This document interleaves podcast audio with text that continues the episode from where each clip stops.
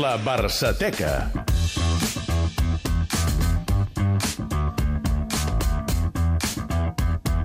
I vuit del vespre, ahir parlàvem... mm, Vaja, parlàvem no, escoltàvem Cruyff parlant de l'estructura del planter del futbol base i en- a més ens va semblar que eren unes declaracions molt actuals, tot i que teníem 20 anys.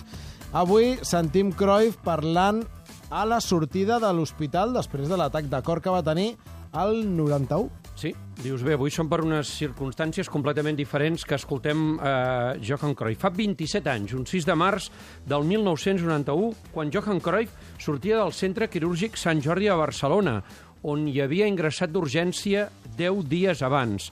Cruyff s'havia trobat malament aquella tarda, passejant amb la seva dona. De fet, després es va saber que tornant un parell de dies abans del partit que el Barça havia jugat al camp del Valladolid de Lliga, on havia guanyat per unes 5, ja havia tingut algunes molèsties. Hi ha No. unes declaracions mítiques de Tony Bruins Slot eh, que intentaré reproduir. Johan, tienes un caga-gaga. Mm, no. Johan, tienes una Cara rara, val, Sí, val. Val, val. Veig que no s'entén res. Eh? Sí, sí. córrer. Jo tantes coses. Bé, Yo sí lo he entendido, yo sí, yo sí, eh, yo sí.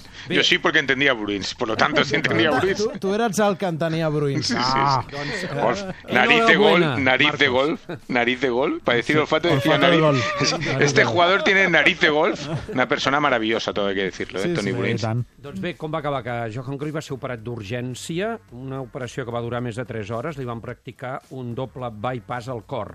Cruyff va sortir al cap de 10 dies de l'hospital i feia les primeres declaracions després del que havia tingut.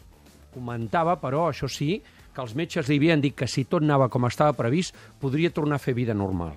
Nosotros hemos hablado de estas cosas y hemos llegado a la conclusión, en principio, que, que puedo hacer todo lo que quiero. Y lógicamente, como hay un control y si en un momento terminado eh, hay un problema o lo que sea, se cambian las cosas. Pero en este momento no se ve todas las pruebas, indicaciones que, que me han dado, posibilidades que me han dado, y es que se puede hacer lo que quiere. Siempre con la cabeza y bajo un control. Això sí, Cruyff, que era un fumador empadreït, havia de deixar el tabac tant sí com no, per sempre més. Esta semana no tenía tantos problemas, pero yo creo que hay que afrontarlo en la manera de, si me gusta fumar o no fumar.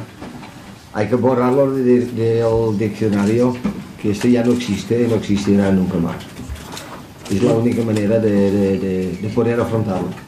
De fet, en aquella època que encara es podia fumar a les banquetes, vam passar de la imatge típica amb Cruyff amb la cigarreta a la boca al xupa-xup, que va ser a partir de llavors el que el va acompanyar durant els partits. I, de fet, mesos més tard, Cruyff va ser el protagonista, aquell mateix any, d'una campanya publicitària antitabac de la Generalitat de Catalunya.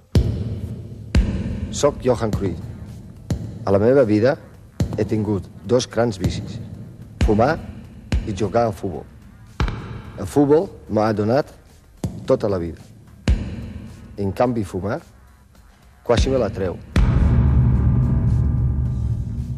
S'ha d'explicar que això era Cruyff fent tocs amb un paquet de tabac fins que el acabava xutant i enviant-la ben lluny. Bé, Cruyff es va perdre diversos partits eh, per culpa d'aquesta operació, no va poder dirigir el Barça, però el Barça no li va anar malament del tot.